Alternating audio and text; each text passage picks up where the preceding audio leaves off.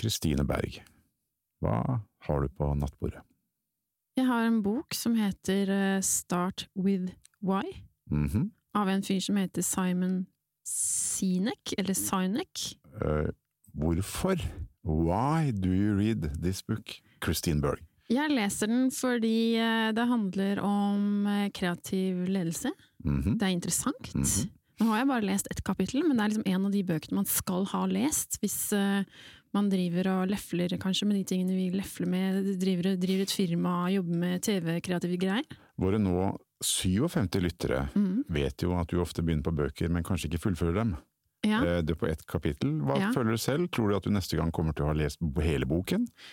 Ehm, ehm, om jeg ikke har lest den sånn fra side til side, så har jeg i hvert fall kommet meg gjennom den. Hvis du skulle anbefale den, har du en god følelse? Er det gøy å lese den? Er Jeg har en veldig god følelse av den. Ok, Hva handler det om? Akkurat nå, det kapitlet jeg har lest, så har han en påstand som er noe sånt som at uh, du tror du vet, altså assumptions. Du tror du vet en hel haug av ting, men det er ikke alltid du vet. Mhm. Og så sier han noe om eh, balansen mellom å følge mavefølelsen sin, og av å på en måte være fakta- og databasert. Hvordan tar man avgjørelser? Det syns jeg er interessant og relevant i forhold til hva vi driver med. Når det vi sitter og skriver, det er jo ikke noe man, ikke noe man vet, det er mye mavefølelse. Men så skal man spille det inn, og da må man vite en hel haug av ting. Så jeg syns veldig mye av det vi driver med, ligger i sånn skjæringspunktet mellom mavefølelse, kreativitet og eh, data, eh, penger og liksom litt harde ting. Så foreløpig syns jeg det er svært lovende lesning. Mm. Spør meg, da. Ja, Arne, hva har du på nattbordet? Jeg liker å skal, jeg gleder meg til å si det. Det er en bok om metaverse investing. Okay. How to invest in the metaverse. Og eh, Mark Zuckerberg hadde jo en sånn, han, de lanserte liksom metaverse, men det har jo vært der ganske lenge. Sånn Fortnite og Minecraft og alt dette er jo at man går inn i et univers og, og opplever noe. Møter andre mennesker, eh, det er sosiale plattformer. Det har vært der ganske lenge. Eh, Facebook skiftet jo navn til Meta for på en måte å ta eierskap til dette. Og denne boken er en sånn guide for investorer som vil inn og tjene penger in the metaverse. Så det er interessant å se hvordan de tenker, hva de ser etter, og hva de tror er investeringsmulighetene. Men jeg tror det er veldig, veldig, veldig relevant for sånne som oss som jobber med eh, IP, opphavsrett, eh, hva er det vi skal leve av i fremtiden? Uh, og det er klart, her ser man for seg de svære tech-gigantene, forlag osv., Warner, Media, Egmont, uh, Cappelen Dam, Aschehoug, de kommer nå til å være opptatt av å investere in the metaverse. Og hva er det de, de da investerer i? Jo, sånne som oss, som har ideer og skaper disse universene. Men de vet ikke helt hva det er, det er helt åpenbart. Men, men, men det er noe vi kanskje skal følge med på. Det er et bullshit-ord, egentlig. Men når liksom investorene begynner å være opptatt av det, det står om det på lederplass i Dagens Næringsliv og sånn, så må vi som har opphavsrett eller lever av det, vi må følge med som faen, altså. Det tror jeg. Mm. Interessant. Mm. Hva ser du på for tiden da, Arne? Øh, jeg begynte å se på The Gilded Age. Vi var veldig fan av Downton Abbey, det var vi begge. Ja, Alle i bransjen vår har et sterkt forhold til Downton Abbey. ja. Og det er Julian Fellows som da har laget en ny serie. Han er på en måte serieskaper og created by og sånn. Mm. Eh, og Downton Abbey var til tider veldig bra. Mm. Dette er det største miget jeg har sett på TV ever. Han kan altså ikke skrive. Det har han jo innrømmet selv, men man tenkte han satt der i tweedjakke og, og, og, og, liksom sånn dyre brune sko med huller i og sånn, altså sånne, sånne engelske hullete sko, gentleman-sko. Mm. Hvor Eh, langt så du da? Jeg har sett eh, første episode. Hele? Ja, ja, ja. Og Over det- en time, ja. Ja, ho. Nei, vet du hva, jeg så ikke hele. Nei, ikke sant? Den var så dårlig, det var så dårlig skrevet. Det er, det er igjen akkurat sånn som vi har snakket om før. Null point of view, det er, man blir ikke glad i karakterene. Den er både, De skal på en måte omtale rasisme, samtidig som ingen vil spille en rasist lenger. Det er, det er veldig, veldig rart. Det er det mest tolerante. Det er, er der, det er litt sånn som vi, vi slet med da på Hotell Cæsar. Den derre eh, alle skal være veldig slemme, men de skal også være snille. Og Det er den seriens forbannelse. Og det er 29 mennesker i alle scener. Det minner om noe vi har snakket om før. Det er svakt håndverk. Ingen vilje, ingen dramatisk konflikt, ikke noe dramatisk premiss. Det er bare masse gode ideer fra sånne som oss, som har samlet seg i et skriverom, og noen har betalt dem en milliard for å komme opp med noe. Ja, jeg tror den er dyr. Den ser dyr ut. Ja, så det er bare forskjellen på oss og den gjengen hans, det er at uh, han er styrtrik, og vi er fattige, fattige Eh, opphavsmennesker. Nemlig. Mm. Mm. Du da, hva ser du på? Nå har jeg nettopp sett en dokumentar om eh, Frank Zappa, som jeg tilfeldigvis fant på nrk.no. Og det er interessant, det. Eh, superinteressant fyr, klin gæren. Det er veldig rart at en jente på din alder, med fare for å virke ovenfra og ned og gjøre dette til både kjønn og generasjonsgreie, Mhm. men bare høre noen nå si Frank Zappa, Ja. det har vært så ut å si. Ja, og jeg må jo innrømme at jeg vet jo egentlig ingenting. Jeg vet hvordan han, vet liksom hvordan han ser ut med svarte flippskjegg og masse hår, og, og at han har laget noe musikk som jeg egentlig ikke helt kan forholde meg til å skjønne hva er for noe. Mm. Men, men, eh, men eh, han er jo superinteressant. Og han er jo klin gæren, og det er vel ingen Altså, mengden musikk han produserer, men også det at han greier å erte opp liksom alle. Han driver ikke med rock, og han driver ikke eh, med seriøs musikk, men så driver han med seriøs musikk, og han driver med rock, og han sketsjer, og han håper. Det er liksom umulig å definere og kategorisere, og så blir han interessert i politikk. Og så lager han sitt eget plateselskap og revolusjonerer platebransjen. Det er ganske interessant. Ja, det er, sånn, det er veldig sånn apropos sånn krysspollinering og sånne ting som vi er opptatt av med å jobbe med mange forskjellige uttrykk på en gang. Eh, og veldig, veldig upopulær til tider, og veldig, veldig populær. Mm. Veldig sånn, så jeg jeg synes det er rart, og, og jeg kikket så vidt på den dokumentaren. Jeg ble veldig nostalgisk, altså. Måtte Mm. begynne å høre på greiene, gamle skivene og sånt nå.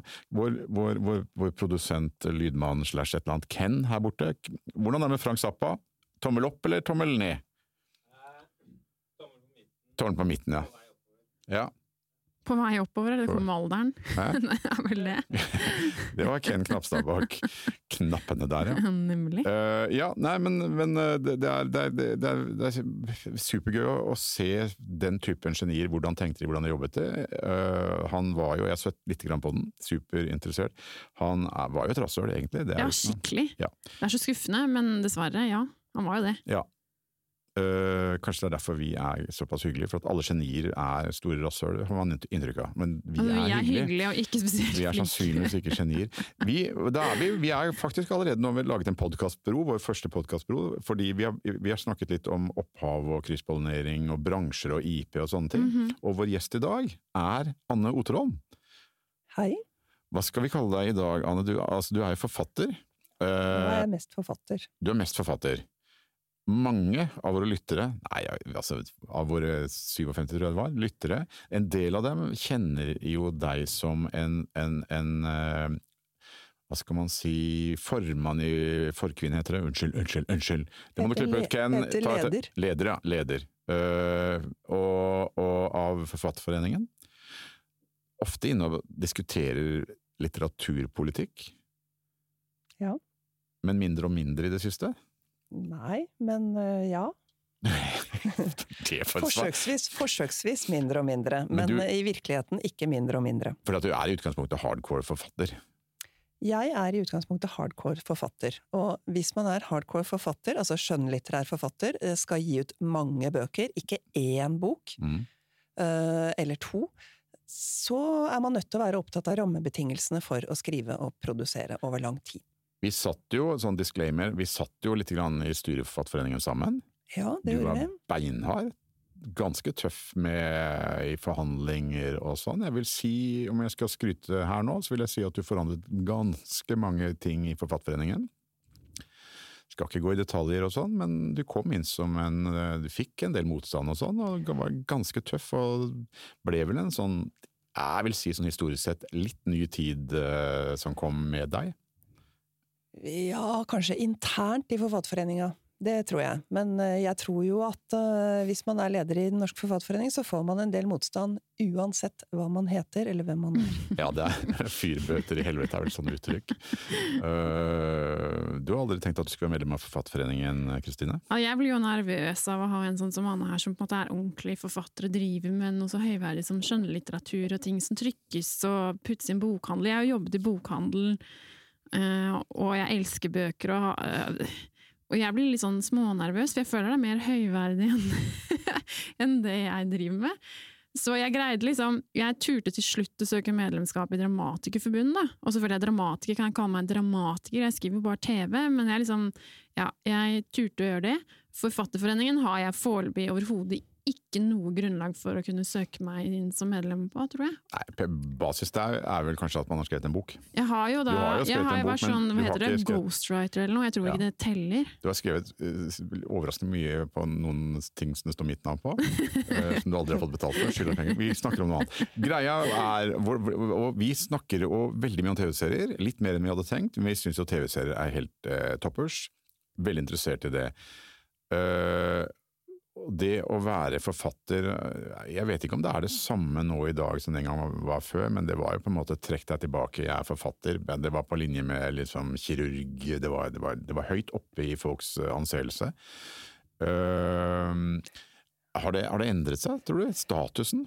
Jeg veit ikke. Eh, Jeg veit ikke. Altså, jo, det må ha endra seg. Det var høystatus på én måte, um, men jeg tror det har endra seg fordi at uh, alle er jo forfattere. Ja, ikke sant. Så at, eh, da kan jeg ikke skjønne at det er så veldig interessant, egentlig, lenger, sånn som det var. For før så var det liksom ikke sånn at alle var forfattere. Da jeg debuterte med en skjønnlitterær bok, så var det sånn at jeg ville aldri sagt jeg var forfatter. Nei. Etter bok to, nei, Nei. jeg er heller ikke forfatter. Etter bok tre, kanskje begynne å tenke på å si jeg er forfatter. Mm. Så det var liksom litt annerledes enn det, Det det var er nå. noe, en annen klang av det. Du, man, det var større sjanse for å komme på sokkel i bronse med dur på, på toppen og, og sånn, hvis man var forfatter. Som forfatter. nei. Eh, Som Vi snakker om langt tilbake. som en og annen forfatter, men de aller fleste forfattere, eh, selv om de da ikke turte å si de var forfattere før de hadde gitt ut en haug av bøker, eh, ikke på sokkel. Nei. Det er så mange forfattere i Norge som ingen aner hvem er. Hvordan er en arbeidsuke, en arbeidsdag for deg? Ja, og der kommer det jo inn at er jeg bare forfatter, er jeg liksom hovedsakelig forfatter? Nei, selvfølgelig ikke.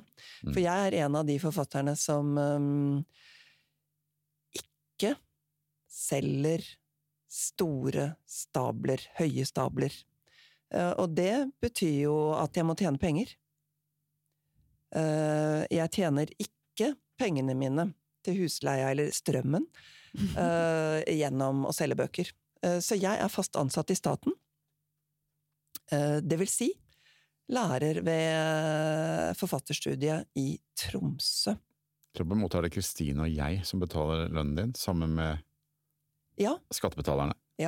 eh, mm. Ja, men det er jo på en måte litt godt å vite at det går til noe bra. Ja, jeg trodde ikke at samtalen skulle ta denne vendingen, men det er jo da er vi inne på at vi lever i et fantastisk land Mhm. med en kulturpolitikk som sørger for at det fins ting som markedet, eh, som vi er veldig avhengig av, Mhm. ikke regulerer eller vil ta seg av. Ja, men dette er jo ikke sånn Altså, dette er egentlig ikke kulturpolitikk, da. Dette vil jeg vel kalle for utdanningspolitikk. Ja. Rett og slett, siden jeg da jobber ved Universitetet i Tromsø, så er det på en måte ikke det som er innafor kulturpolitikken. Sorterer under et annet departement. Sånn at det jeg gjør, er jo å undervise, planlegge undervisning, eh, følge opp undervisning, være veileder, eh, altså alle mulige sånne ting. Og som ikke er kulturpolitikk. Hvor, hvor, hvordan er det med, Vi skal ikke snakke mye om det, jeg vet at du kan dyre her, men hvordan er det med kulturpolitikken nå? Hvordan ser du? Terningkast akkurat nå? Hva føler du? Kulturpolitikken? Ja, Hvordan står det til med norsk kulturpolitikk?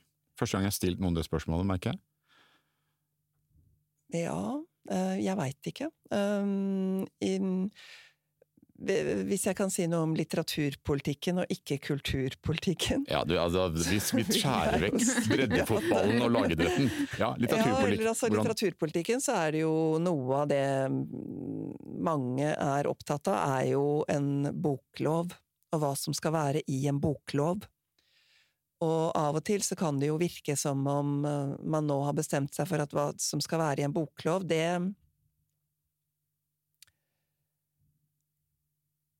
handler om bibliotekene, og det er jo en ny ting. Eh, For eh, i de landene som har boklov rundt omkring i Europa, så er jo ikke bibliotekene det som er liksom det sterkeste eller det viktigste i boklovene. Det er eh, forfatterne, altså muligheten for å kunne skrive, produsere en mangfoldig litteratur, og få til distribusjon av den. Så kan man jo si at biblioteket handler om distribusjon, men jeg tror at bibliotekene vil si at bibliotek handler om mye mer enn distribusjon. Det håper jeg i hvert fall bibliotekene vil si. Så det er en slags Jeg jeg vet jo ikke, jeg aner ikke hva som er i den bokloven i øyeblikket, men det er jo kan jo hende at den ikke blir som boklover i Europa, hvis det er biblioteket og ikke forfatterne som skal være kjernen. Det vet jeg Det ikke. våre lyttere nå trenger å vite, er skal vi være for eller mot en boklov? Vi skal være for. Veldig, veldig for. Veldig, veldig for. Tror du bokloven kommer til å være der? Nå er det jo litt Arbeiderpartiet, kan være de tryner, så kommer Erna og co. tilbake. Kommer den til å være der om fire år, tror du? Bokloven? Ja, det kommer jo an på om de klarer å Hvis de lager en boklov, vedtar en boklov, implementerer en boklov, så tror jeg at veldig mange vil tenke at den ikke er viktig nok Mm. til at man begynner å, å fjerne den med en gang. Da tenker jeg at da vil de fleste la oss gi den litt tid. Er det, er, det, unnskyld? Jeg stiller et veldig dumt spørsmål. Mm. Når du sier boklov, um, hva i alle dager er det? Det er en lov som, um, som regulerer markedet. Ok. Eh, og som regulerer markedet, altså, og hvor formålet er at man skal kunne klare å få skrevet og distribuert, Ja. synliggjort. Eh, ikke bare skrive for eh, lager og brenning, men, Mhm. men få det distribuert og synliggjort for Mhm. nye eh, potensielle lesere over hele landet, innafor et språk hvor hvor det egentlig ikke er så veldig mange mennesker som snakker, eller Har dette med, siden jeg har jobbet i bokhandel en gang for 100 år siden når jeg på videregående, så, så altså det var dette med fastpris Ja. og sånn, er det en Ja. del av bokloven? Det er en del av bokloven. Ah, ok. Det, vil være, det er en del av bokloven i alle land som har en boklov. Og fastprisen er jo der eh, grunnleggende sett fordi at man ikke skal ha fokus bare på bestselgerne, men man skal ha en bredde, og man skal ha den bredden ut i butikkene, og man skal ha butikker. Og så kan man holde på, altså Jeg kan snakke om dette i tre timer, jeg vet ikke om dere er interessert? Jo, vi skal ha en eh, boklovspesial. Nei, men vi skal gå videre. Men det, det, her kommer, se, hør på denne broen her nå. Ja. For du husker da du jobbet i bokhandel, så var det noe som het Ja. mammutsalg. Ja. Spør Anne hva hun syns om mammutsalg, og om det er noen problemer med det. ja, Anne, hva syns du om mammutsalget? Jeg syns at mammutsalg er kjempefint. Eh, Det er fint, og, og eh, etter at bøkene har eksistert en viss tid, Ja. for denne fastprisen varer jo veldig kort tid, Mm. så er det fint med alle typer salg. Men- Det er også fint med mammutsalg. Veldig for mammutsalg. Men Ikke for uh, at man dumper royaltyen til forfatterne fordi at det er mammutsalg. aha, så det vil si at eh, royalties til forfatterne henger veldig nøye sammen med pris, altså prisen på boken? Nei, det er det den egentlig ikke gjør. Eh, men det er det noen later som den gjør. Ah. Eh, altså, det er en paragraf i uh, kontrakten som forfatterne skriver med forlaget, Ja. som sier at når boka skal realiseres, det vil si sluttsalget, mhm. nå er vi ferdige, nå har vi prøvd alt, vi har, vi har distribuert og distribuert og solgt og solgt, nå går det ikke mer. Mm. Ingen flere vil ha den, Mm. den skal realiseres. Det er et opphørssalg eller et sluttsalg. Ja. Da kan man eh, da vil prisen bli veldig lav på den boka, Ja. og man kan også la royaltysatsen følge etter. Men man kan ikke la royaltysatsen følge etter fra 20 til 7,5% i alle mulige salg. Nei. Mammutsalg, for eksempel. Aha. Det er det ikke åpent for i normalkontrakten, ifølge meg. Mhm. Her er det ulike syn på den Mhm. saken. Det vil Mhm. si, eh, en del eh, forlag eh, mener at jo, det kan vi. Da sitter vi 7,5 Ja. På det vi selger på Mammut. Og det er jo en pågående konflikt mellom forfattere og forlag i øyeblikket. Ja, og Derfor var det så gøy å si mammut, for det er som å trykke på en knapp. Fordi Du har jo vært ute og diskutert eh, dette her og kommentert osv. og Noen forfattere er på banen, mange føler seg rundlurt av forlagene. Man oppdager tilfeldigvis ved å se på disse royalty-avregningene at jøss, hva, hæ, hva er dette for noe? Og Forfattere er ikke så veldig gode til å lese disse utrolig uoversiktlige greiene som kommer en gang i halvåret eller en gang i året. Jeg tror ikke forfattere er så dårlige til å lese det, men de aller fleste forfattere de har ikke noe igjen for å lese dem, for de tjener så lite penger at det spiller ingen rolle. Nei, ikke sant? Det er litt interessant, eller eh, at det høres ut som forfattere både i TV-bransjen og i din bransje, Anne, snakker om veldig mye av det samme.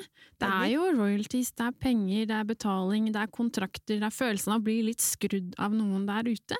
La oss ta et sånn kort eh, sånn introkurs da, på, på dette som alltid er bra for unge folk å høre. Altså, hva, denne, vi har denne, denne åndsverksloven, eh, vi sitter og skriver en bok, og så går vi til et forlag. Eh, hva er det forlaget egentlig hjelper en hardcore forfatter med? Ehm, det viktigste for meg Jeg vil tenke at det er forskjell på forfattere, hva slags type forfatter man er. Men for sånne forfattere som meg, som bruker altså evig lang tid på å skrive en bok, og om igjen og om igjen og om igjen, og om igjen så er det redaksjonelt arbeid. Og det er kontakten, den løpende kontakten med en redaktør? Ja. Det er uh, altså lesning av ulike versjoner og tilbakemeldinger og diskusjon av et manus som er uferdig. Hvor lang tid tar det for deg da, typisk, fra du viser de første tingene i et manus? Skriver du lenge før du viser det frem? Ja, de to-tre siste, bøk, to siste bøkene så har det vel vært kanskje halvannet til to år. Før du viser noe? Før jeg viser noe. Jeg har noen andre lesere som er innom før det.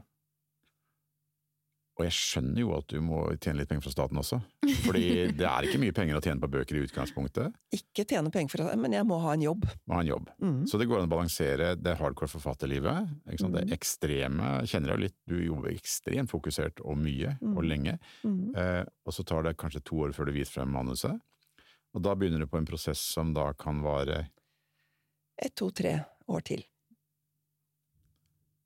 Er det en, er det en tøff prosess? Er det, er, det liksom, er det gøy å skrive, syns du? Er det en gøyal jobb, eller hvor Ja, ligger den? Er det, Det er det selvplaging? beste i hele verden. Litt som isbad, liksom? Og, Nei, jeg har aldri likt isbad. Men jeg vil skrive. Jeg liker å skrive. Jeg vil skrive alltid til jeg dør. så når du, når du våkner opp om morgenen, hvor lang tid tar det før du skriver? Har du sånn rutine? Det er fire minutter. Ja. Har du spist frokost først, da? eller? Nei. Du setter deg til? Og hvor lenge skriver du i et strekk, da? Da skriver jeg kanskje et par timer. Uten å Uten noe som helst. Tisser ikke engang?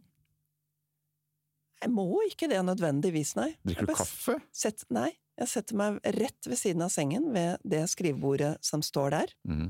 og skriver. Hvorfor, det, er det, gjerne, hvorfor har du lyst til å skrive når du våkner? Ja, øh, og hodet er helt tomt. Hodet er helt klart for Det er ikke noen ting inni der som kan forstyrre. Så det er den beste skrivetida.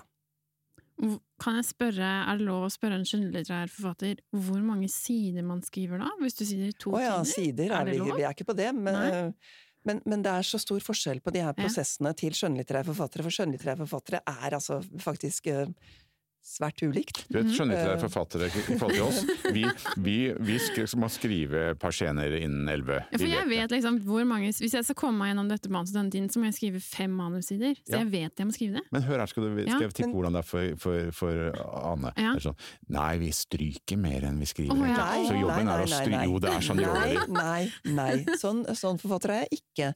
Jeg er en lavterskelforfatter. Det vil si, skrivesperrer syns jeg er et ord som jeg ikke skjønner helt hva man skal feit, bruke til. Ja. Med andre ord, eh, det gjelder å bare skrive på alt man kan. Ja. Så at det kan godt hende jeg kan komme meg gjennom en to-tre sider, Mhm. men de to-tre sidene de skal jeg skrive 20-30 ganger til i løpet av de neste årene. Aha. Aha. Så at det er, jeg har ikke noen retning, og jeg vet ikke hva jeg holder på med, men jeg skriver, altså jobber jeg i språket for å finne ut hva er det jeg holder på med.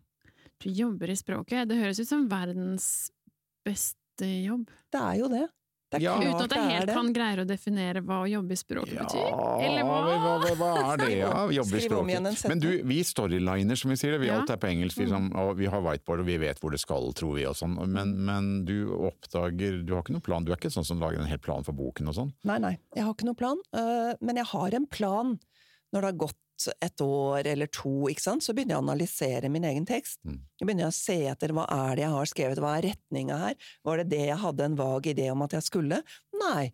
Uh, bytter jeg idé da, eller tilpasser jeg, eller stryker jeg? Så jeg ender jo opp med å stryke, forandre veldig mye, og jeg analyserer mer og mer jo nærmere slutten jeg kommer. Du tenker mer og mer, analy- du Tenker ser mer og mer mer. fra avstand, men det Ja. begynner veldig intuitivt. Kan jeg spørre, altså Når du sier at du analyserer det du har skrevet, så skjønner jeg jo, jeg skjønner jo hva det er. Vi sitter jo også på en måte og analyserer Mm. det vi har skrevet, Mm. og så gir vi hverandre notes, som det heter på, på godt eh, Mm. norsk TV-språk. Ja. Eller man får notes. Og da er det jo veldig relativt spesifikt. Det kommer en kanal og sier ehm, vi syns det er litt, kommer litt treigt i gang, eller hovedkarakteren, vi skjønner ikke hva hun vil, Ja. og mer definert motstand. Hva, når du snakker analyse, hva snakker du om da? Ja, det er jo sånne ting. Ja. ja. Men jeg gjør det jo ofte sjæl, da, ganske Ja. lenge. Eh, Men det er jo sånne ting vi jobber med på forfatterstudiet, for eksempel. Mhm. Så er det jo akkurat sånn, ja, det kommer litt treigt i gang. Altså, jeg, jeg har falt av før side tre, eller dette interesserer meg ikke. Hvorfor interesserer det meg ikke? Jo, kanskje er det fordi er, Tror du det kan være en mulig Altså, det er nok Mm. ikke så veldig stor forskjell på det. Men, men vi har mer tid. Vi har ikke noe tidsfrist. Og vi har ikke noen penger, ikke sant? Det er ikke Mhm. noen budsjetter. Hvis ikke dette blir til en bok, hvis ikke det blir ferdig, nei, så fikk vi ikke penger da heller. Da er det jo fint at forlaget tar vare på deg, holder deg i gang med penger, tar ansvar for forfatterskapet ditt. Gjør de det? Altså? Mm. Nei, altså Og jeg lokker deg så ut på ja, nå! Det er jo ikke sånn det er. Men hva skal du med forlag? Du kan jo gi ut selv. Du sitter i fire år og gnurer og tenker og analyserer og holder på. Da er det jo ferdig, og da kan du gi ut selv og publisere selv.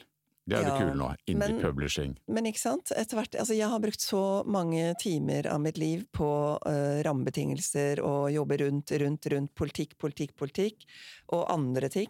Jeg har så lyst til å bruke aller mest av tida mi på å skrive. Jeg har ikke lyst til å gjøre noe av de andre tingene. Og jeg, man trenger jo noen utenfor seg til å lese. Jeg kunne selvfølgelig ha brukt vennene mine, det gjør jeg også. Noen forfattervenner. Og at alle vennene dine jobber i forlag, er det det? Nei, jeg bruker noen forfattervenner som er ubetalt uh, uh, hjelp underveis. Uh, det kan man gjøre. Men det jeg vil ha av et forlag, det er en, en dedikert, langsiktig eh, samtalepartner, eh, god til å lese eh, på ulike tidspunkter i prosessen, selv om det kan virke som om jeg bare trenger det mot slutten. Så er jo ikke, altså Hvis slutten varer i tre år, så er jo ikke det så er det en stund. Så det er der forlag, det er forleggeren da, som blir din viktigste allierte? Ja, ikke forleggeren, men redaktøren. Hva er det forleggeren gjør da? Forleggeren er en daglig leder Mhm. Av forlaget, Mm. med u flere redaktører, Mm. flere ulike funksjoner.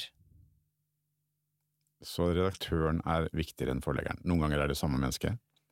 Kanskje? Ja, kanskje hvis det er et veldig lite forlag. Så den, den hellige symbiosen her er jo egentlig redaktør-forfatter. Det er det som er langsiktig du snakker om. Altså, det er den tjenesten forlaget tilbyr meg som er viktigst. Jeg Mm. mener jo at forlaget egentlig tilbyr forfatterne tjenester, og hvis forlagene ikke tilbyr gode nok tjenester, så, så kunne man jo ideelt sett finne noen andre som tilbyr bedre tjenester. Og for, forlaget i all denne bokpolitikken og bokloven og sånn, så er det jo et slags sånn terrorbalanse mellom forskjellige aktører, og forlag er jo viktig. Det aner jeg meg at du syns at institusjonen forlag er viktig. Ja, jeg syns det, men altså, jeg, jeg, det trenger jo ikke være organisert sånn som det er i dag. Altså, jeg, jeg, jeg kan jo se for meg at det er et, for eksempel, la oss si et forfatterkollektiv, da, som jobber langsiktig, dedikert, øh, med hverandres tekst, tekstmanus. Altså som er gode lesere, vant til å lese tekst, og som kan komme med de her notes, øh, ikke sant, gjerne på norsk, Mhm. øh, og sånn, øh, Skal vi kalle det notes på norsk? Men- notes, nota, innspill? um, Innspill. Innspill? Ja, innspill, ja, innspill, innspill her, ja. Tilbake. Okay, Ja. ja, Det er veldig Ja. hyppig brukt. Notesing er jo forferdelig. Skal jeg notese? Har du notesa? Det er ikke pent. Vi kommer til å si det videre, men vi, Ja. ja. Innspill. Ja, ikke sant? Og det kunne man, men jeg tenker at noe av det som er viktig, er at dette ikke er et samarbeid som varer i et kvarter, da, eller, eller la oss si i halvannet år. Men at for meg er det Så driver ikke jeg med en enkeltbok, jeg driver med et forfatterskap. Det, det varer over tid, det varer uh, over et liv. Jeg vil være en profesjonell forfatter, det vil si, jeg vil ikke være en sånn skrive to bøker. Jeg, jeg regner med at uh, bøkene mine forandrer seg hele tida, utvikler seg, blir annerledes, men står i forhold til hverandre og i en dialog. Jeg vil ha med meg noe i det arbeidet. Der fungerer jo forlaget sånn som det gjør i dag. Så er det jo selvfølgelig andre sider ved forlagsvirksomhet som jeg kanskje Ikke er så begeistret. eller, eller som jeg ikke helt ser hvordan de eh, at fungerer så godt, da. Ja, for at du, du skriver under en kontrakt eh, med forlaget Etter at boka er skrevet. etter at boka er skrevet. Øh, men de har lest noe som gjorde at de ville være interessert i den, for at du må jo nødvendigvis inn i en sånn dialog med denne redaktøren, Ja. Og da gir de deg masse penger underveis, da. Nei. Igjen, eh, jeg eh, har en annen jobb for å forsørge min egen skriving. Men er ikke dette jævlig urettferdig, da? Jo, Kommer det en og sier vi har veldig troa på deg, og vi, vi vil gjerne at du skriver den boken for oss, Eh, og kan være at de gir den ut neste år, så nå begynner vi en dialog med deg. Der kommer det en redaktør på fastlønn og pensjonsordning, og som har lunsjbonger og fri parkering, som jobber med deg. Du har altså ikke, du har ikke fem øre, du. nei. Og det jeg eh, eh, vil vel kunne si at man burde kunne innrette forfatterhonorar og forfatterbetaling på en annen måte enn det man gjør i dag. Men, men eh, det tror jeg er veldig få forfattere som vil, og det tror jeg, da tror jeg man er tilbake til dette med med åndsverk og eierskap og, og, og den typen problemstillinger som forfattere, eh, altså av- min type, også er veldig opptatt av. Vi vil, eller jeg kunne godt vært fast ansatt, jeg altså, men, men, men de fleste forfattere vil ikke det. Men forlaget tar ikke noe risk. Man kan jo snakke om forskudd her. Jeg Ja. skylder jo alle forlag masse penger fortsatt. Ja. Jeg, jeg fikk masse penger for å skrive en reiseguide fra Barcelona, eksempel. Jeg visste jo ikke noe om Barcelona. Det er penger jeg Jeg har dårlig samvittighet hver gang jeg tenker på, på utlandet. Men det var forskudd. Eh, De kan levere deg forskudd, og de kan kreve det tilbake, men hvorfor sier de ikke 'nå begynner du å jobbe for oss, vi gir deg et forskudd på inntektene', og hvis det ikke kommer ut noen bok, fordi man blir jo refusert, så det var den sjansen vi tok. Da tapte vi de penga. Ja, altså det, det var jo mer sånn før. Altså for 20-30 år siden. Mm. Så var det jo litt mer sånn at det var forskudd fra forlaget, og da da var man jo bundet til det forlaget på en eller annen måte, da. Hvis man ikke klarte å betale tilbake, eller hvis forlaget ikke sa nei. Øh, Jeg tror at forfattere ikke ønsker å være bundet til forlaget på den måten. Øh, Jeg tror at jeg Altså, jeg kan ikke snakke for alle forfattere, men jeg er protestant i huet. Mm. Det vil si, jeg vil ikke skylde noen noe. Så så lenge verden er innretta sånn som den er, så vil jeg ikke ha et øre i forskudd. Jeg vil ha pengene lenge etter at jeg skal ha dem, heller. Når du har Eh, fortjent dem, ja. Ja. Men øh, eh, hvor, hvordan er det med, med forlaget Altså, vi har snakket om kontrakter og sånn. Hva, hva Jeg vil jo regne med at dette handler om rettigheter, og hvem eier rettighetene når man selger videre osv. Hvor mye i en sånn prosess er det når du da kommer med det manuset, du vil gjerne ha den redaktøren og den prosessen, og et, så går det noen år, og så blir dette en bok som skal ut i en bokhandel. Hva er liksom brøken da på hva er det forlaget eier av dine rettigheter, Ja, eller hvor La meg kaste på et tilleggsspørsmål, for det Ja. er superinteressant det du spør om der. Fordi vi nå leste den uh, boken, uh, forrige boka di, og vi syns det ble en dritbra TV-serie. Utrolig spennende. Så vi vil gjerne lage dramatisere den. Kan vi bare gjøre det? Kan vi kjøpe det av deg? Ja. Altså, der er det jo altså, Akkurat på drama så har jeg ikke peiling, for at jeg tror ingen vil ha mine rettigheter akkurat på det. Så jeg har ikke satt meg veldig inn i det. Men, men der er, har det jo vært, de, de siste årene, så har det vært liksom forlag som har ønsket å ha agent. Altså at man skriver under en tilleggsavtale, en agentavtale, i forhold til også dramarettigheter for å selge de.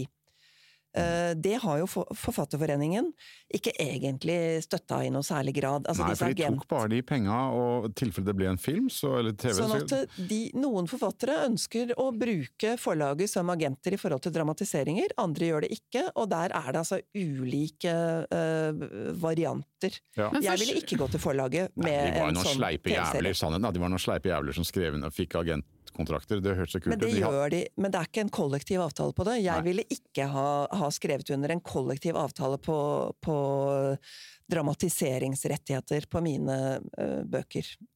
Men forhandler man seg frem til på en må- Forhandler hver skjønnlitterær forfatter seg frem til sin egen lønn i en brøk i en kontrakt, eller er det regulert? Nei, det er regulert. Det er fellesavtaler. hvor mye da avtaler. Da er det- tjener forlaget? Eller hva er prosenten, hva er brøken?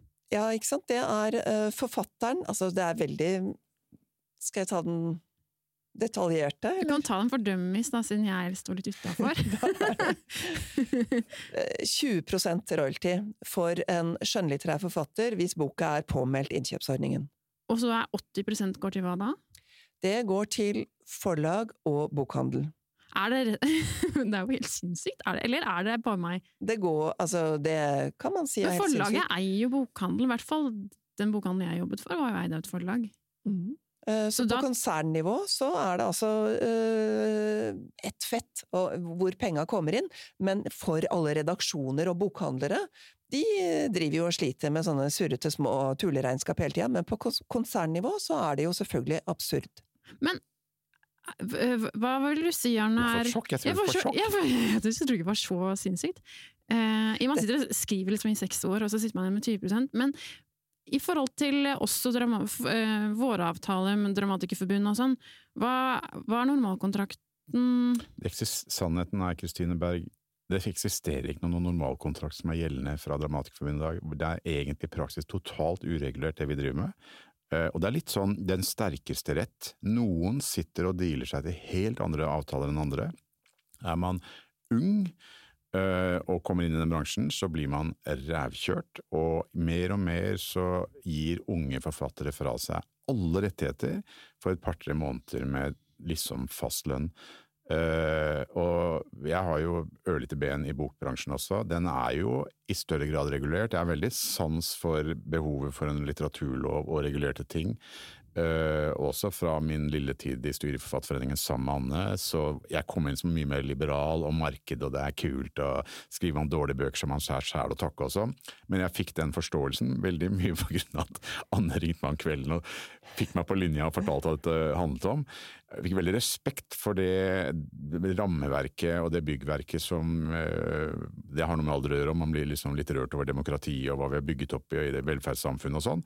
Men, men, men hele reisverket er jo ganske fantastisk, da. Og det gjør jo at vi har et bred og hittil har hatt ganske godt litteraturfelt, vil jeg si. Men Ja, vi er i en slum, med er en sånn dramatiker-TV-greiene.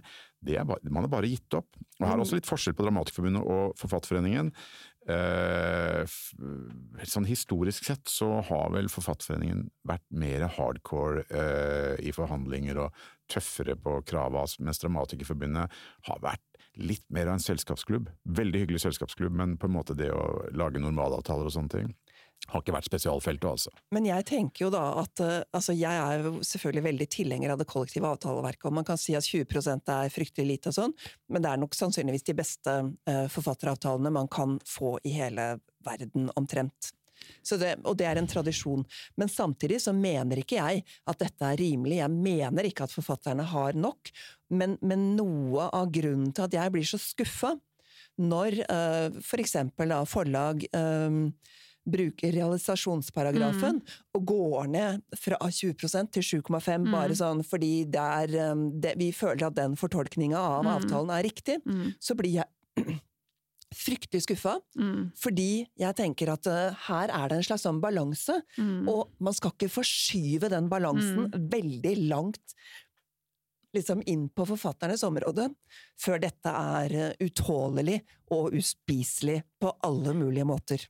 Det er jo, apropos Frank Zappa jeg, Han Jeg en, synes fremdeles at det er så utrolig gøy Jo, at en på din alder sier er det apropos Frank Zappa. Er det ikke men, hyggelig at vi kan ha noe felles referansepunkt, det er da, selv om ikke jeg ja. ja, det er supergøy. Dette er kos. Men, men hans, han, så vidt jeg skjønner ut ifra den totimer-dokumentaren som var sånn krasjkurs i Zappa for oss som er født lenge etter, eller akkurat idet han døde eller noe, um, han endte vel opp med å lage sitt eget plateselskap, og da tror jeg hun kona da, som selvfølgelig har gjort alt og stått i bakgrunnen og sjaua som en gæren for å, for å hjelpe han fyren, stå, sitter da i det intervjuet og sier at de tjente mer på å selge platene hans fra eget selskap eh, enn de gjorde ved å være inni et større, altså i et etablert selskap, eh, selv om de solgte færre plater, for det var hun som satt helt fysisk og putta platene i en konvolutt og sendte det eh, på kryss og tvers av hele verden. Han er jo en av disse store utfordrerne på platebransjen, og gjorde ting og, og, og, og utfordret, og helt sånn ja, sinnssyke sprang han gjorde som viste seg å være veldig forut forut uh, for sin tid. Men det er jo sånn at hvis man er en, en forfatter som selger mye bøker, altså en, ja. en såkalt kommersiell forfatter, ja. så er det klart man tjener masse på ja. å være utenfor det kollektive avtaleverket. Mm. En forfatter som meg, mm. som altså ikke selger i bøtter og spann. Mm. Og de aller fleste norske forfattere, skjønnlitterære, sakprosa har jeg ikke liksom oversikt over, er altså det er 70-80 av oss. Vi, tel, vi, er bredden i norsk litteratur. Ja. Og, og, dermed så er et kollektivt avtaleverk det, det gjør at, at, vi ikke blir fucka. Mm -hmm. Men hvis vi blir fucka, mm -hmm. fordi at man fortolker avtaleverket mm. liksom litt etter eget forgodtbefinnende, så, så, eh, så underminerer man det kollektivet. Og det mhm. tåler jeg ikke. Nei, nemlig. Ok, Anne, du er en hardcore forfatter, sitter mye alene hjemme og skriver, beinhardt fra du våkner, setter deg rett ved, ved maskinen osv., og, så og du driver allikevel en del politikk for å tjene penger eller å jobbe for staten. Så gjør du én ting til som jeg føler er litt som en slags selvmotsigelse. Det er den ensomme forfatteren som eh, driver et studium i Tromsø, forfatterstudiet. Hva er det? Ja, forfatterstudiet i Tromsø, det er jo litt det samme som forfatterstudiet i Bø eller forfatterstudiet i Bergen, altså Skrivekunstakademiet i Hordaland, sånn i utgangspunktet. Og det er førsteåret. Da søker man hvis man har lyst til å skrive skjønnlitteratur. Og så jobber man med uh, det, er, det, er, liksom et studium som, hvor det er lite teori. Uh, veldig lite teoritungt. Det er et praksisfag, rett og slett. Får 60 studiepoeng, da.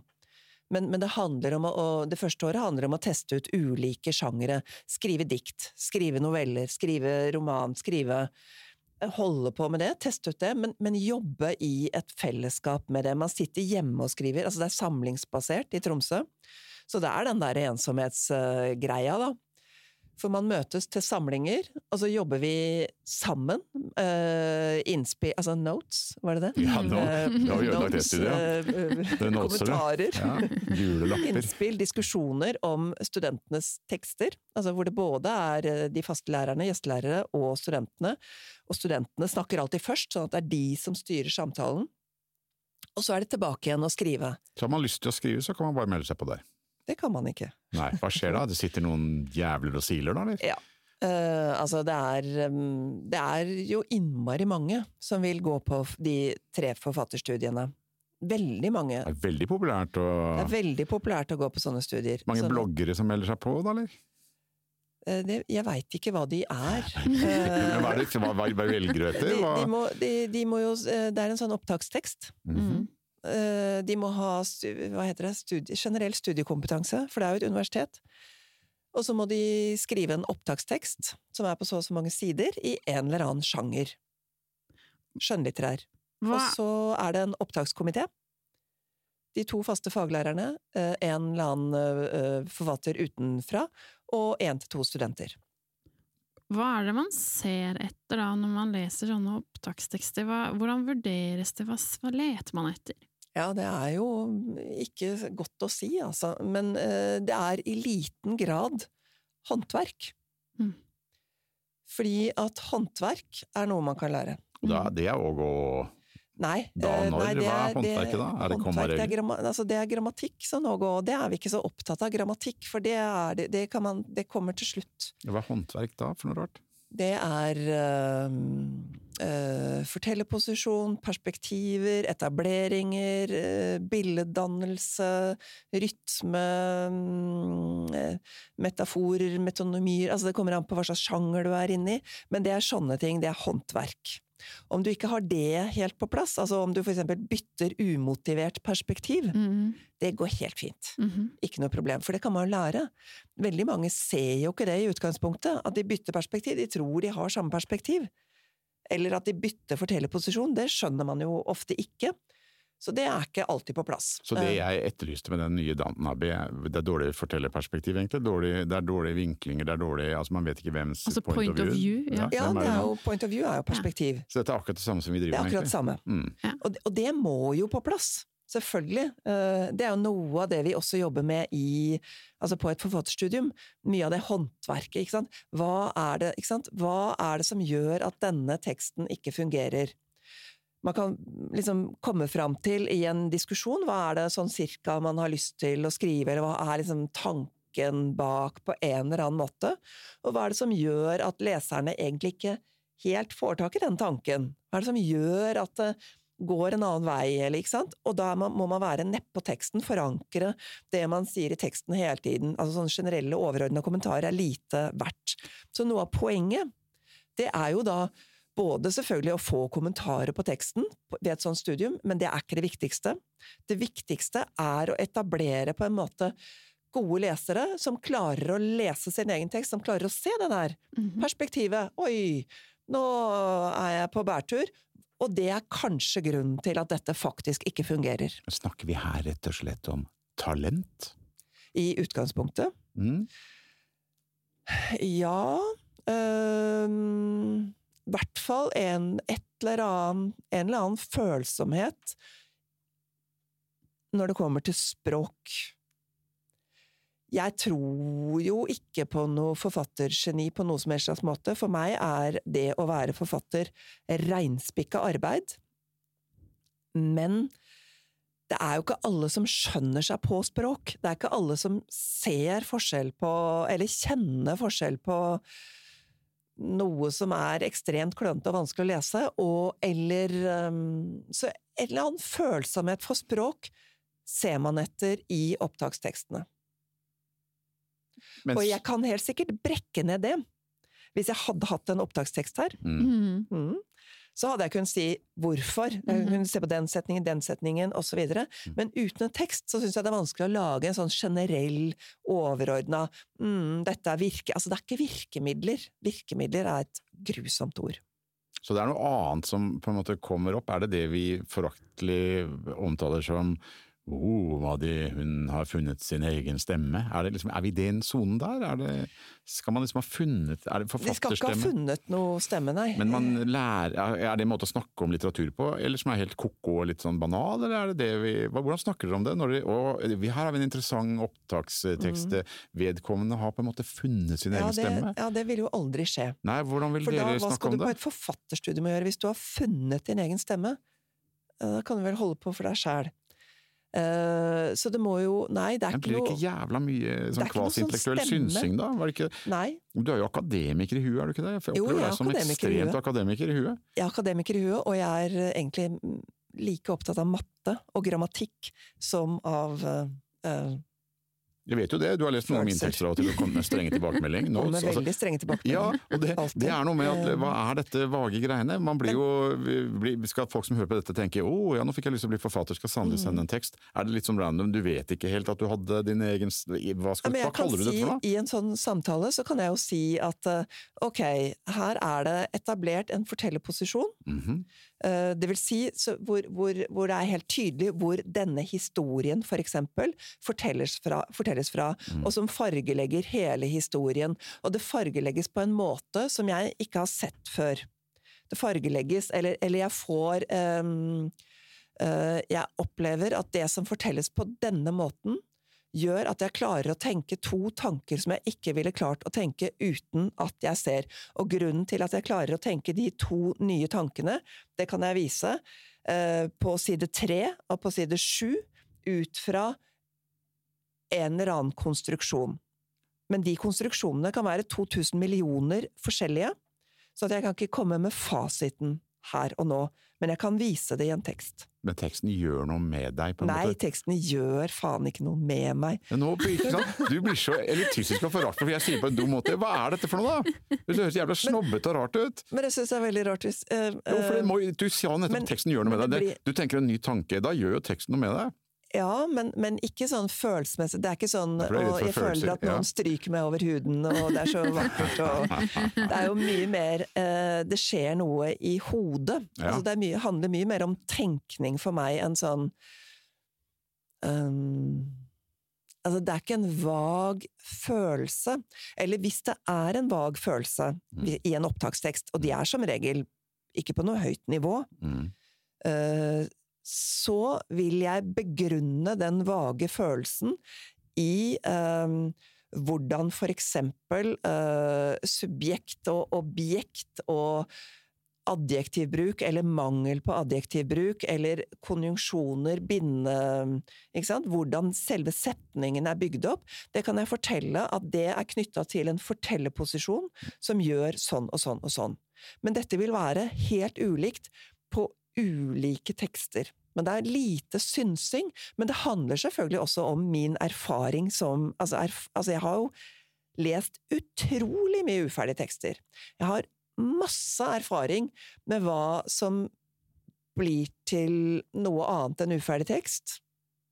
Jeg har masse erfaring med å lese litteratur av alle slag, alle mulige varianter, høyverdig, lavverdig, hva det nå er vi kaller alt sammen. Så at jeg kan noe. Jeg har en kunnskap, og den kunnskapen bruker jeg i samtale med personer som slett ikke er enig med meg. Og det er i den samtalen det oppstår. Jeg kan godt bli overkjørt. Det er greit hvis det er begrunna i teksten. Det er ikke noe oppskrift, det er ikke noe sånn struktur. Det er veldig mange redaktører som har vært på sånn Robert McKee-kurs og lært at vendepunktet må være der og der. Er det, er det... Ja, nei, det er det lite av Ja. på et forfatterstudium. Og det er jo fordi at jeg er sikker på at, at hvis man kunne sånn struktur og der og der og vendepunkt, så, så er det ikke sikkert at vi ville ha kommet til ulike konklusjoner. Mm. Men det er ikke der Altså, man begynner i teksten.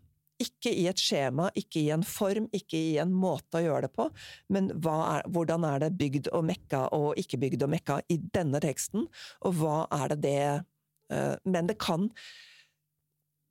Altså, man kan bruke ordentlige ord på det, og som ikke er sånn 'jeg føler, jeg føler, jeg føler', jeg føler. Men snakker man om ting som hovedperson, eller protagonist, antagonist eh, Snakker man om de tingene? Ja. Er det det samme som fortellerposisjon, eller er fortellerposisjon mer eh, det vi ville kalt point of view? Eh, Altså, jeg vil jo si da at, at fortellerposisjonen, det er jo hvem som forteller. Du kan jo ha ulike point of Ja. view, altså ulike perspektiver Ja. underveis. Ja. For du kan jo bytte perspektiv hele tiden, men du kan ikke bytte fortellerposisjon. Altså fortellerposisjonen er jo begrunnelsen for hele teksten, mener jeg, hvis det er altså en prosatekst. Det kan jo Mhm. hende vi hadde jobba med poesi. mm, mm, Da hadde det jo blitt noe helt annet, mm. eller andre ting da, som funker. Men, men, men ikke sant, la oss si at det er to karakterer mm, som er likeverdige. mhm. Men en fortellerposisjon, da er jo ikke sant, begrunnelsen for de to karakterene og dette plottet og hva det er som foregår, det ligger jo ikke i de karakterene, det ligger i fortellerposisjonen. Jeg vet jeg ikke helt om jeg skjønner. Uh, uh, fortellerposisjon. Det kan være ekstern forteller, Ja. um, intern forteller, ikke sant? Ja. Ekstern forteller, da er det tredjepersonsforteller, Ja. altså det er han og hun og alt det Mhm. der, ikke sant? Og da ligger begrunnelsen for den historien, den ligger ikke i han og hun og alt det der, men det ligger i den som forteller, og måten, altså begrunnelsen for hvorfor dette er nødvendig å fortelle. Jeg var på vei til St. Petersburg da jeg møtte en mann i jernbanekupeen, ja, og han forteller. fortalte meg følgende historie. Ja. Og så begynner det. Ja, så begynner det. Og da kommer det hans fortellerhistorie. 1880. begrunn- Ja, ikke Ja. Men, men begrunnelsen ligger i det jeget, da. Det er jo jeget som, er, som har fortellerposisjonen, ikke sant? Så da har du Mm. ikke egentlig en ekstern forteller, Mm. men du har en intern forteller. Og så kommer Bjørnstjerne Bjørnson med skogen, klette fjellet videre, er det ikke det? Er vi, liksom, er vi, litt, på, er vi litt på sånn litteraturhistorien i disse overgangene og Ja, altså, ja, men det, men det er her nå, ekstremt jeg, men Men det er ekstremt for meg, er når jeg er ferdig med en roman, så er det fordi fortellerposisjonen er på plass. Jeg bruker årevis på å finne den riktige fortellerposisjonen, vil si begrunnelsen for hva er det som gjør at dette er viktig nok, hva er det som gjør at noen har bruk for dette, hva er det som gjør at dette fungerer i det hele tatt, ligger i fortellerposisjonen. Og sånn som vi snakker nå, er det litt sånn man sitter på forfatterstudiet og snakker? Ja, Mye? Men det er, men det er alltid forankra i tekst. I teksten som er der. For det, det, er nest, det blir så abstrakt når vi sitter sånn og, Mhm. og, og, og babler over et bord. For da går det nesten ikke an å skjønne hva det er det er snakk om. Men dette er sånne ting som, som gjør at man eh, kan begynne å finne ut av hva er det som får denne teksten til å ikke virke. Hmm. For det er jo ofte der man er på et forfatterstudium. Og man skjønner jo på en måte at eh, relasjonen til en redaktør blir ganske avgjørende, så man kan forstå det å være i en dialog over lengre tid i forhold til hva man forsøker. Og hva, man, det er mye leting da, vil jeg tro. Det er? Denne måten å skrive på er en del leting, men det er jo andre måter å skrive skjønnlitteratur på som er mer sånn man har et plott, Mm. eller altså man lager et plott, man lager den disposisjonen eller den måten å gjøre det på på forhånd, og så fyller man ut eller skriver inn og, og Det er jo også skjønnlitteratur, men det tror jeg er mye sjeldnere på et forfatterstudium, at man jobber på den måten. Det er mye mer leiting på et forfatterstudium. Se for seg sånne litt sånn plagede mennesker, Kristine, som kommer på forfatterstudiet og på en måte dyrker sine nevroser og leter og leter og skriver, eller er det, hva, er det på en måte Får du lyst til å gå der? Kunne du gått der, tror du? Um, om jeg kunne ha gått der? Ja. Jeg tror at Jeg gikk jo en gang i tiden på noe som het Skolen for samtidsdans. Som jo på en måte, på en måte, merkelig måte ligger i kanskje noe mer i samme landskap som et forfatterstudium. Der let man jo, man snakker om bevegelse, man sitter i ring, man diskuterer hva så jeg nå, hva følte jeg nå. Jeg endte jo opp med nesten å bli slått ned av en lærer, så jeg tror nok ikke jeg var på riktig, riktig plass. Det, det, kan nok hende at jeg definitivt hører hjemme på TV- eller dramatikersiden av, av, av dette. Men når, i våre beste stunder når vi sitter med Ja. gjengen i skriverommet og Ja. vi jobber med forfattere, så er det jo, sitter vi og snakker om dette. Vi, vi, vi, lurer, vi, vi, på en måte, vi bryter reglene, vi ser på dem, vi analyserer osv. Vi bruker litt mer fancy, eller vi er litt sånn mer amerikanske. Vi er litt harry, egentlig. Ja, Eh, definitivt. Men det, jeg kjenner jo veldig mye igjen, og vi liker jo begge den prosessen som er med koreografi, dans. Absolutt, og, jeg, men vi leser jo masse, vi, vi ser jo forestillinger. Jeg syns jo ikke TV eller dramaturgi er noe mer lavverdig eller høyverdig og sånn. Det, det opplever jeg ikke, men, men og ja, man, man, man kikker på en scene, og så går man jo inn i det Altså når man sitter og skriver og føler at man er i flow, for eksempel. Jeg kan ikke helt forklare hva det er for noe, hvorfor det kommer, og hva som gjorde at den scenen ble bra, men, men eh, så jeg kjenner igjen en del av måten å snakke på, men, men jeg tror kanskje allikevel et sånn type writers room, da, skriverom, som vi sitter og gjør. Det ligner litt på det vi snakker om. Det ligner litt samtidig som man bruker liksom, kanskje noen andre begreper, og det er noe, noe mer sånn man ser etter det eller det, man snakker om Bont og Nido, hovedkarakterer og sånne ting. Vi har vært litt fan av en serie i det siste som heter Forhøret. Eller Ja. serien i seg selv er kanskje ikke så supergod, men den første episoden, de første episodene Ja. Det er klart noe dogmatisk de har satt der. De skriver Det er litt spoiler her nå, men det er interessant. Jeg syns man bør se på den hvis man er Ja, interessert på i det vi snakker om på Viaplay, og den heter Forhøret. Det er en veldig banal, enkel scene. Det er en politimann som kommer inn til obdusenten og skal vi ha noen svar. Det er bare at den scenen varer ikke 30 sekunder eller 40 sekunder, den varer og varer og varer. Og den er skrevet, den er veldig litterær, den har veldig vendepunkter som er ganske litterære. Det er, veldig, det er teater, det er dramatikk, det varer og varer og varer. Og man kan ikke skrive det, man kan ikke storyline seg frem til det i et rom, man må skrive og være den teksten, tror jeg. Og her er man inne på noe jeg, Vi har av og til snakket om TV-serier med Anne, og vi er jo enige hva som er spennende, vi liker jo noe av det samme. Det er en litterær kvalitet som jeg tror kanskje er lett å glemme i vår bransje, som er sånn snappy, vi ser Ja. strukturer, vi må få opp ting så fort vi kan. Eh, og, og, og dette er møtes og dette, så jeg tror jo vi som TV-dramatikere, forfattere, har ekstremt mye å lære av en sånn tålmodighet, da. Eh, og en sånn leting på det beste, så når prosessen er bra, så syns jeg vi leter, Kristine. Ja, kanskje en sånn nysgjerrighet, da. At Mm. det å ha tid til å være nysgjerrig på det man sitter og gjør. At, at eh, noen ganger så, så går det såpass unna at man kanskje ikke helt har tid til å sette seg ned og være nysgjerrig. Så jeg opplever jo de gangene vi har de gode, lange øktene, man møtes allikevel et par timer på kvelden, selv om man skulle vært hjemme og gjort noe helt annet, og sitter og liksom er genuint nysgjerrig på det man har skrevet, og så gir man det litt bank, og så oppstår det noe annet. Ja, vi jobber med en thriller nå, Ja. og vi har sittet sammen med Sara, Ja. eh, eh, manusassistenten vår, og vi har Mhm. akkurat oppdaget, fordi at hun sier noe, så oppdager vi at hmm, dette er jo feil, vi Ja. må snu om på det, Ja. vi kaster rundt på det. Vi har sittet Mhm. med den serien, den begynte vi med eh, for ganske lenge siden, Ja. og, og, men vi, vi oppdager noe nytt. Mm. Det ligner øh, Kunne du synes det var gøy å jobbe i et sånt skriverom, Anne? Få litt Altså, notes og litt Ja, altså, whiteboard og sånn? jeg tror ikke disse tingene er så forskjellige. Nei? Jeg tror vi har ulike måter å snakke om det på, Mm. men, men jeg tror at øh, at det er mye av det samme som skjer, og jeg tror ikke, altså, ikke sant? Selv om jeg da ikke er på, på vendepunkter og, og altså, Det er jo typisk meg som forfatter òg, Mm. og, og det betyr ikke at det ikke er sånn at det er viktig at en, en person i en skjønnlitterær bok har et prosjekt, vil noe.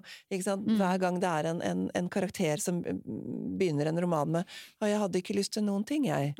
Altså, ikke sant? Det går ikke. Det ja, i norsk TV-drama er jo også sånn de, Jo, Ja. men det, det fungerer ikke Nei. I en skjønnlitterær bok. Eller du, den må må ville noe. Ikke sant? Så det er ikke så innmari stor forskjell. Men, men det er nok um, Jeg tror at dere må jobbe fortere. Mm. Men jeg tror ikke at det ene er dårligere eller bedre enn det andre.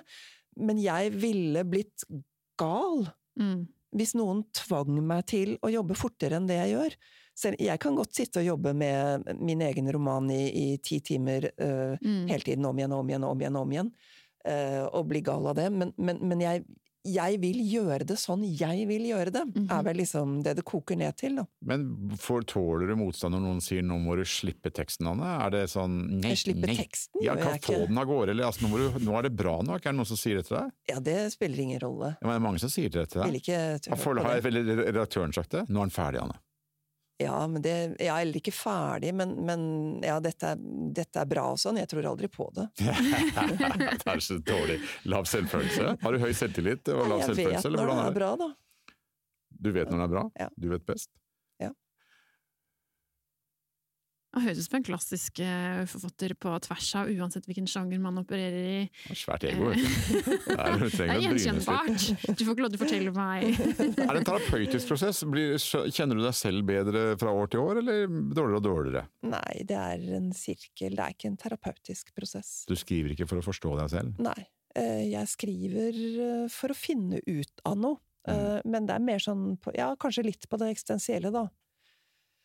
Hva er meningen med, og så videre. Men, men jeg finner jo aldri ut av det. Så det her kan gå til jeg dør. Altså, det er jeg sikker på. Er det to typer forfattere, kan du si? Som skriver dramatikk eller det liksom mer episke? Er det noe, tror du på Gud, eksempel? Tror du på noe større enn deg selv, og er du litt mer da i det episke landskapet, hvis jeg skulle da prøve å banalisere det? Jeg vet ikke. Jeg skjønner ikke helt Nei, jeg kjente at jeg det Dette spørsmålet kommer til å havarere. Jeg prøvde meg litt der. Men eh, skriver du for å finne deg selv, eller skriver du for å finne Gud? Jeg skriver ikke for å finne meg selv, og jeg skriver ikke for å finne Gud. Nei. Så det er mer eh, altså, finne, Er det meningen med livet, da? Siden du sa eksistensielt, var det du som kom med det ja, ordet. Ja, men, men det er vel mer for å fi eh, Fordi jeg syns jo det er problematisk at vi blir født og dør. Så jeg skriver i det landskapet. Mm. Selv om ingen ser det, eller skjønner det, kanskje. Ja, TV-serier. Ser du på noe bra TV-serier? Liker du TV-serier? Ja, jeg liker TV-serier. Eh, men ser jeg på noen bra TV-serier?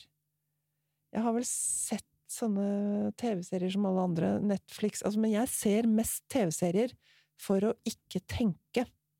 Og jeg blir fort uh, utålmodig. Åh, dette skal vi ikke så klippe ut, men vi prøver å se om du får noe interessant å si noe om TV-serier som vi kan bruke på å bygge opp. Men jeg vet ikke hva jeg skal si om TV-serier. Du bruker det bare for å liksom, fordrive Ja. tiden, og slå av. Ja. Ja. Det var utrolig. Det er vel sånn du også bruker bøker, Kristine? Leser de første bare- 30 sidene. Og så sovner jeg.